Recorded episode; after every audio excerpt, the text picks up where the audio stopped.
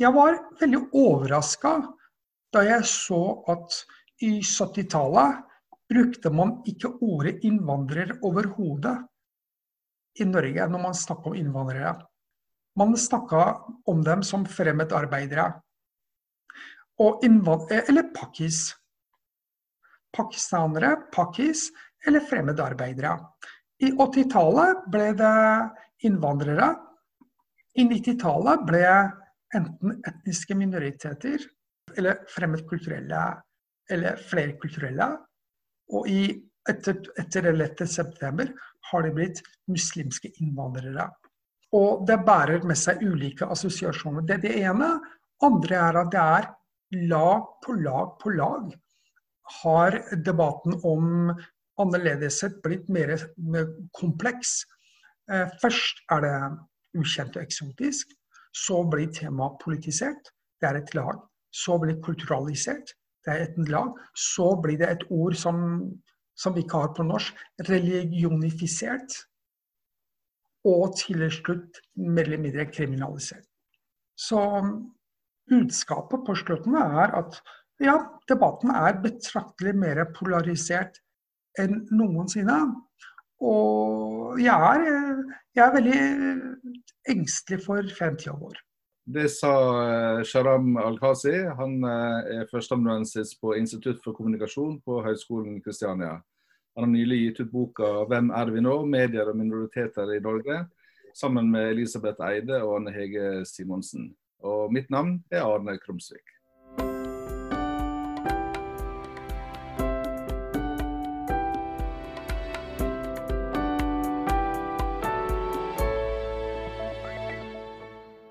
Å bli forsker, bli mediesosiolog, er på mange måter veldig subjektiv. Og det er fordi jeg kom til Norge i slutten av 1988 som politisk flyktning.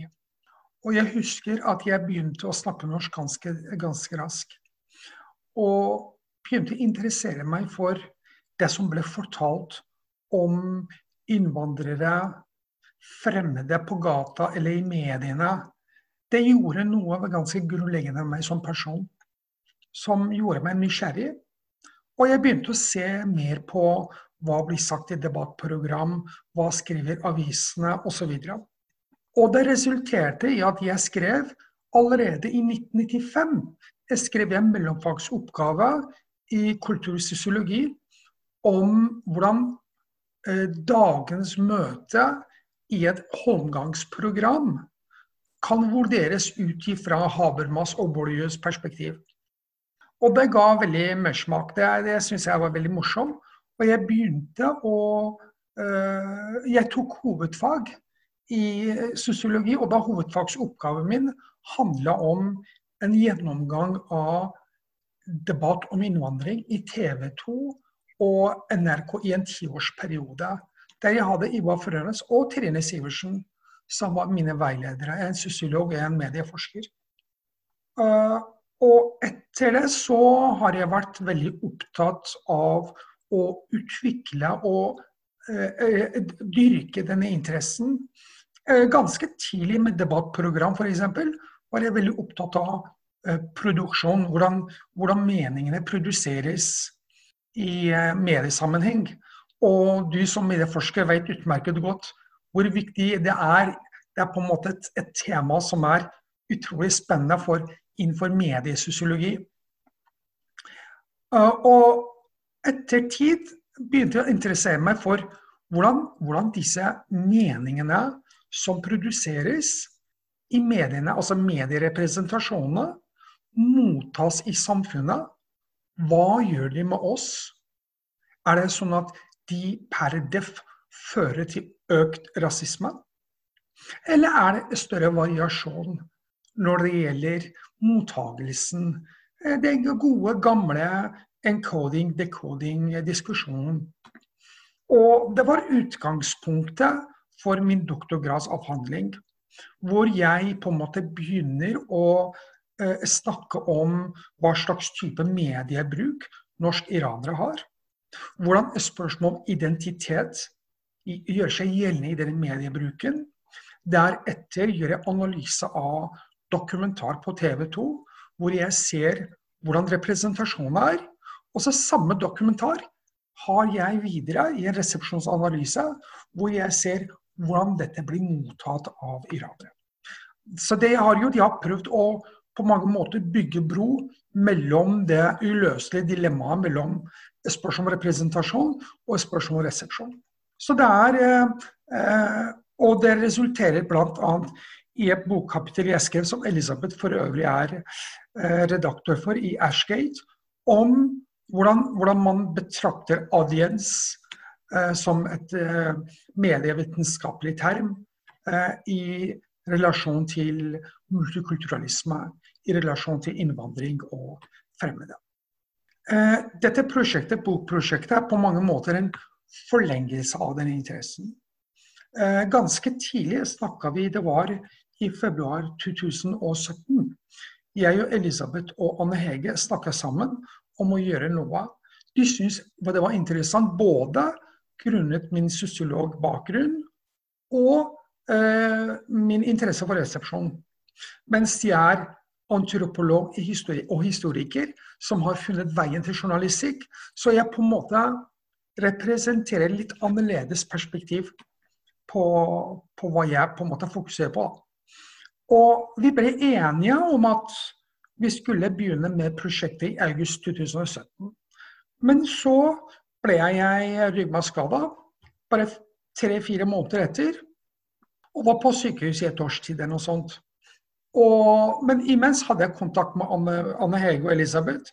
Og vi ble enige, og jeg er veldig veldig takknemlig for. Jentene forskjøvet hele prosjektet og ventet på meg. Jeg kom ut og begynte vi på alvor å jobbe med det i august 2018. Og resultatet er nå, eh, som dere ser. Eh, hvor jeg har eh, skrevet innledningen sammen med Elisabeth og Anne Hege. Jeg har tre egne kapitler og to kapitler som jeg skriver sammen med Elisabeth. Og de kapitlene som jeg skrev, skriver selv, bærer et veldig sterkt preg av nettopp denne fortellingen jeg la fram for deg. I forhold til Det ene er nettopp igjen min lidenskap for historiefortelling hvordan, hvordan, hvordan innvandring som et tema har virkelig forandra seg i Norge de siste 50 årene.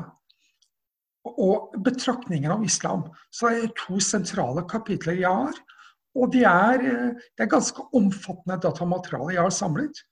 Eh, jeg brukte mer eller mindre et år og gikk gjennom ganske mye. Og så i tillegg har jeg en resepsjonsanalyse av en dokumentar som gikk på, på NRK. I den offentlige samtalen så sier vi nå gjerne at uh, verden har blitt mer polarisert enn før. Absolutt. Det er jo et sentralt tema i, um, i disse fortellingene jeg har. Om, jeg kaller dem fortellinger fordi det er jo en historiegjengivelse ut ifra mitt uh, forskerståsted. Og folk har prøvd seg på dette her med andre resultater. F.eks. vi har jo innvandringens historie, som er litt annerledes perspektivsmessig. Da. Men i det jeg har, så er det en veldig tydelig overgang vi opplever f.eks. i forhold til islam, som er et ukjent størrelse, nærmest. Det er mohammedanere som kommer i Norge. Det er nesten ingen som vet mer eller mindre hva islam er. Eh, til å bli et veldig sentralt begrep. Um, møtet mediene hadde, var ja, islam som noe eksotisk, samtidig ukjent, kanskje litt skremmende. Men så skjer en del globale hendelser. F.eks. statskuppet i Pakistan i 1977. Og da var det steining og drepe folk og eh, all, all innføring av sharia-loven som begynner å gjøre seg gjeldende i den norske debatten. Så iransk revolusjon, Rushdie-saken, eh, 11.9., terroraksjonene. Alle sammen har gjort seg gjeldende. Og etter hvert ser vi eh, det har oppstått en type eh, krav da, om at det vi har i såkalt MSM, mainstream media, er ikke god nok til å fortelle om virkelighetene, men det er vi som gjør det. Og Det som er interessant her, er at jeg har gjort veldig mye om representasjoner i, hos MSM. det vi der vi ser, er at det er sånn type eh, konfliktbasert representasjon av forholdet mellom nordmenn og fremmede, innvandring i Norge, som noe ganske problematisk. Og det som skjer i mediene, er at vi får ulike aktører som er i stand til å representere nettopp denne konflikten som media ønsker å på en måte etablere. Og i en sånn konfliktformat, konfliktformatsideologi er det veldig, veldig spennende, fordi det er salgsbar. Det skaper engasjement, og folk vet at ja, men det er viktig tema. Men så folk fra ulike ståsted kan på mange måter eh, kaste seg inn i debatten. Da. Men det som skjer i såkalt nye medier, er ikke at vi får samme type, eh, type utveksling.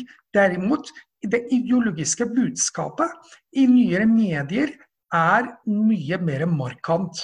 Det er, eh, det er mye mer polariserende og eh, er veldig representativ for veldig bestemt ideologi. Og det er paradoksalt, da, fordi de mener at de er for alternative ytringer. Men at alternative ytringer, det betyr at det skal føre til økt demokratisering. Det skal føre til økt deltakelse og autonomi. Men derimot, det vi har fått, er ekkokamre som vi har på nettet på, i det såkalte nyere medier, som er veldig veldig problematisk begrep. Og dette elementet har jeg prøvd å få fram i to kapitler. Både der jeg snakker om innvandringens historie, altså sett fra medienes eh, side, og eh, islamens historie. Hvordan ser du islam blir framstilt i, i media i dag? Um, Framstillinga i islam er veldig sammensatt. Allerede når jeg ser på Det er en kronikk jeg leser i Aftenposten 1971.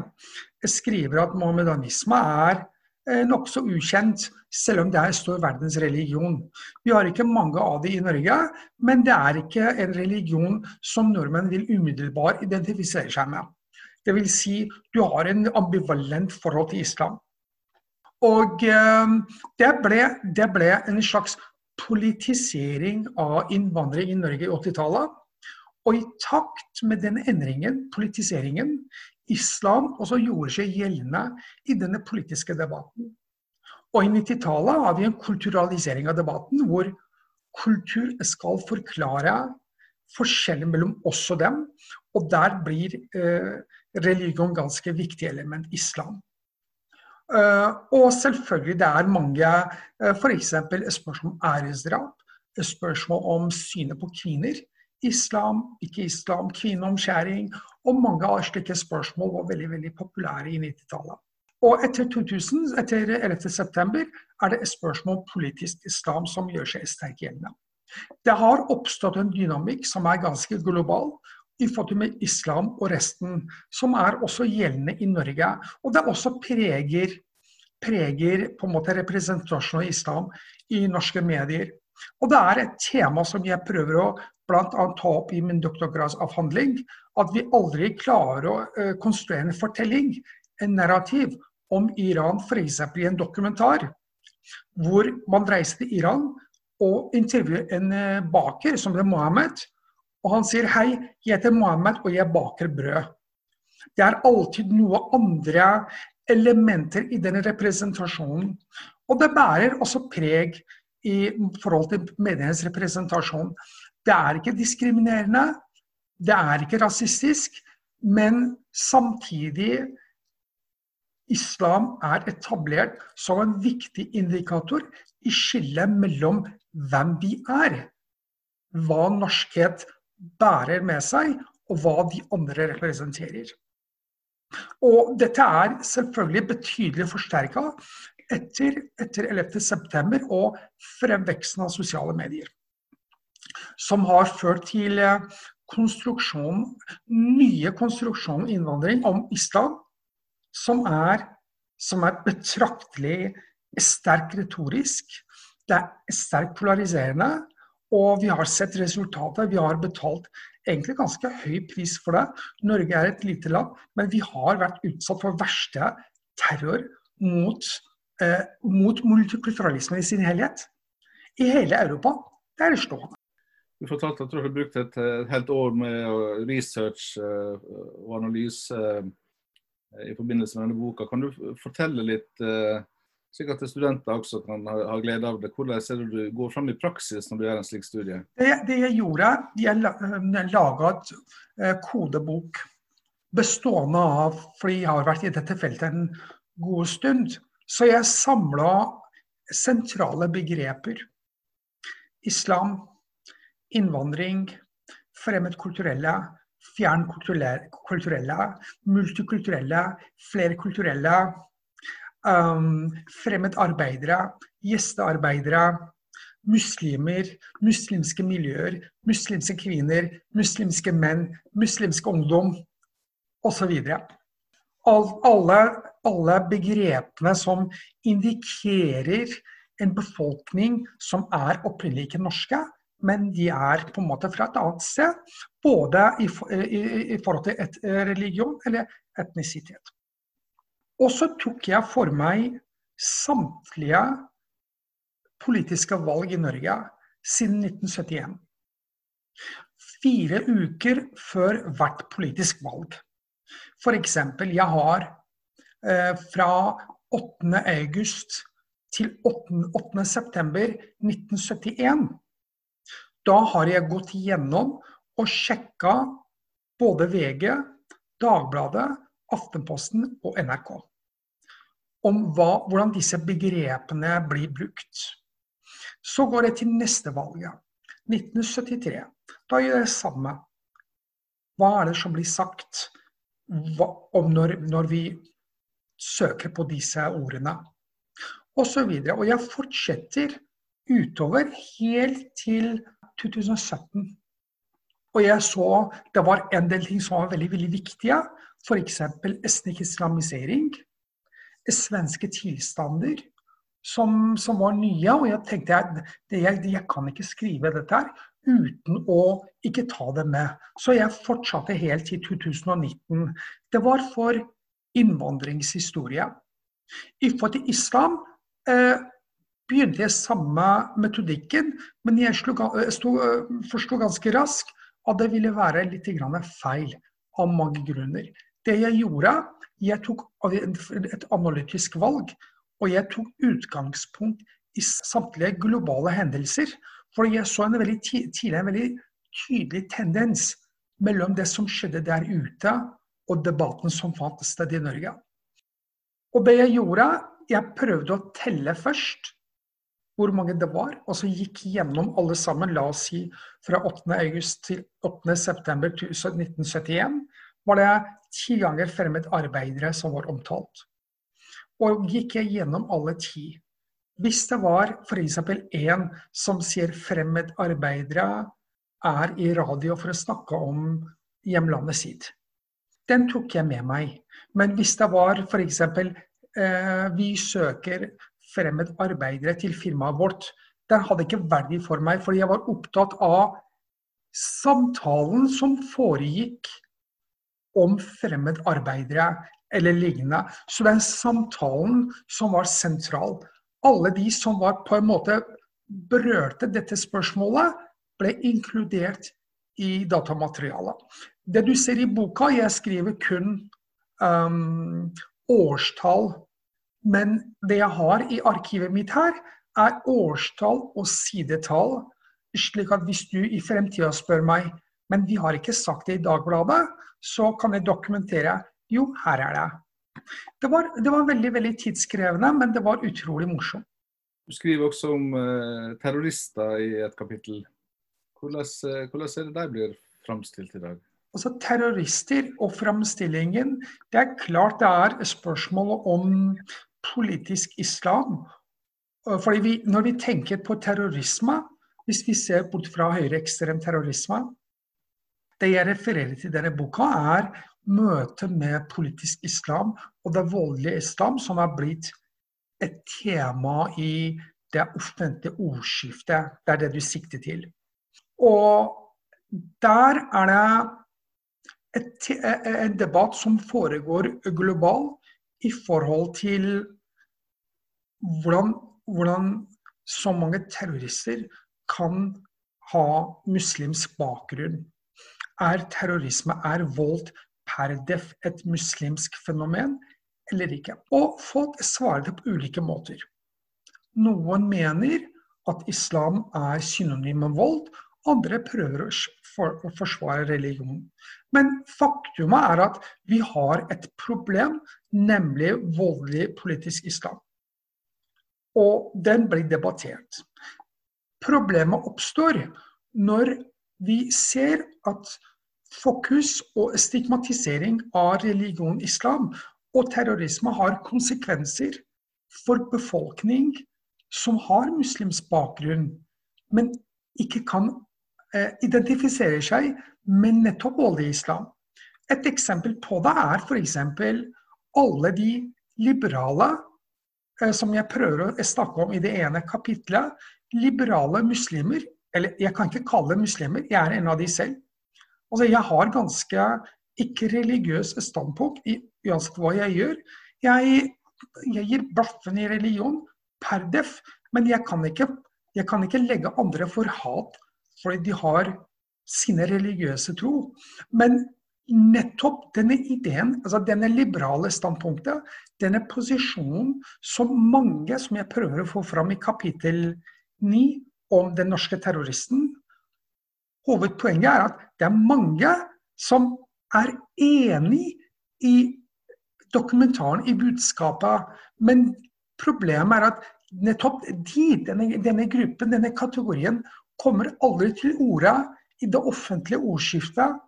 Det er som f.eks. Rushdie-saken eh, eller karikaturstriden, som Elisabeth Eide kjenner mye bedre enn meg. At det vi gjør, vi går og finner mest ekstreme, tar bilde av dem, filmer dem og forteller sånn er det voldelige for eksempel, muslimer i London som vil drepe Rushdie, som vil drepe f.eks. Eh, William Nygaard i Norge osv. Men denne variasjonen at faktisk alle fleste Jeg hadde lest en statistikk som var ganske slående. Uh, hvor stor prosent av befolkningen i Norge tror på Gud. Og det var 41 nordmenn som trodde på Gud, og så var det 34 iranere. Og det er jo interessant, fordi iranere samtlige kommer fra en bakgrunn altså De har jo rømt fra en religiøs orientert styresett. Og blir beskyldt for å være bærere av samme orientering. Og det er veldig paradoksalt i forhold til f.eks. For identitetsarbeidet.